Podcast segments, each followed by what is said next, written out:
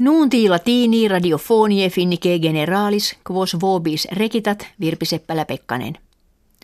Secundo bello mundano ad finem vergente mense Augusto anni millesimi nongen tesimi quadragesimi quinti USA bombam atomicam in urbem Hiroshimam de jekit, quo factum est, ut centum quadraginta milia hominum interirent. Barack Obama, presidens Americanorum, primus munere fungens, nuper Hiroshimam viisit, ubi coronam ad monumentum victimarum posuit. Conventus generalis nationum unitarum declaravit diem unde trigesimum mensis mai, internationalem diem tutatorum pacis. Primi pacis tutatores, jam anno millesimo nongentesimo duodecvinquagesimo in officium venerunt, ex quo anno nationes unite sexaginta septem operationes ad pacem tutandam habuerunt. Finni in his fuerunt plus triginta quinque milia. Calendis juniis centum decem anni acti sunt ex quo lex de comitis agendis et suffragio ab ordinibus finnie accepta est. Ex illa lege omnes kives tam viriquam femine qui viginti quattuor annos compleverant universale et equale jus suffragii habuerunt. In comitiis parlamentaribus mense martio anni sequentis factis unde viginti delegate femine in toto orbe terrarum prime in novum parlamentum create sunt.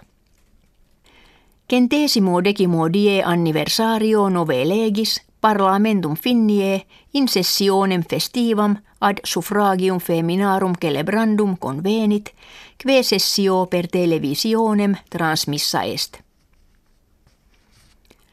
Kostas Sismanidis, archeologus grecus, credit se sepulcrum Aristotelis, diuque situm, in ruinis stagire urbis antiquae denique reperisse. Aristoteles, clarissimus in mundo philosophus, anno trecentesimo octogesimo quarto ante Christum natum stagire Macedonie natus est. Diem obit in calcide insule euboie unde kineres eius stagiram translati esse putantur. Jam viginti annos excavationes stagire fiunt. Janua ex marmore facta ducit in cameram sepulcralem in qua inventi sunt nummi etatis Alexandri Magni, cuius magister Aristoteles fuerat. Architectura et situs apud forum antiquum indicare videntur, ut Sismanidis opinatur, sepulcrum esse Aristotelis.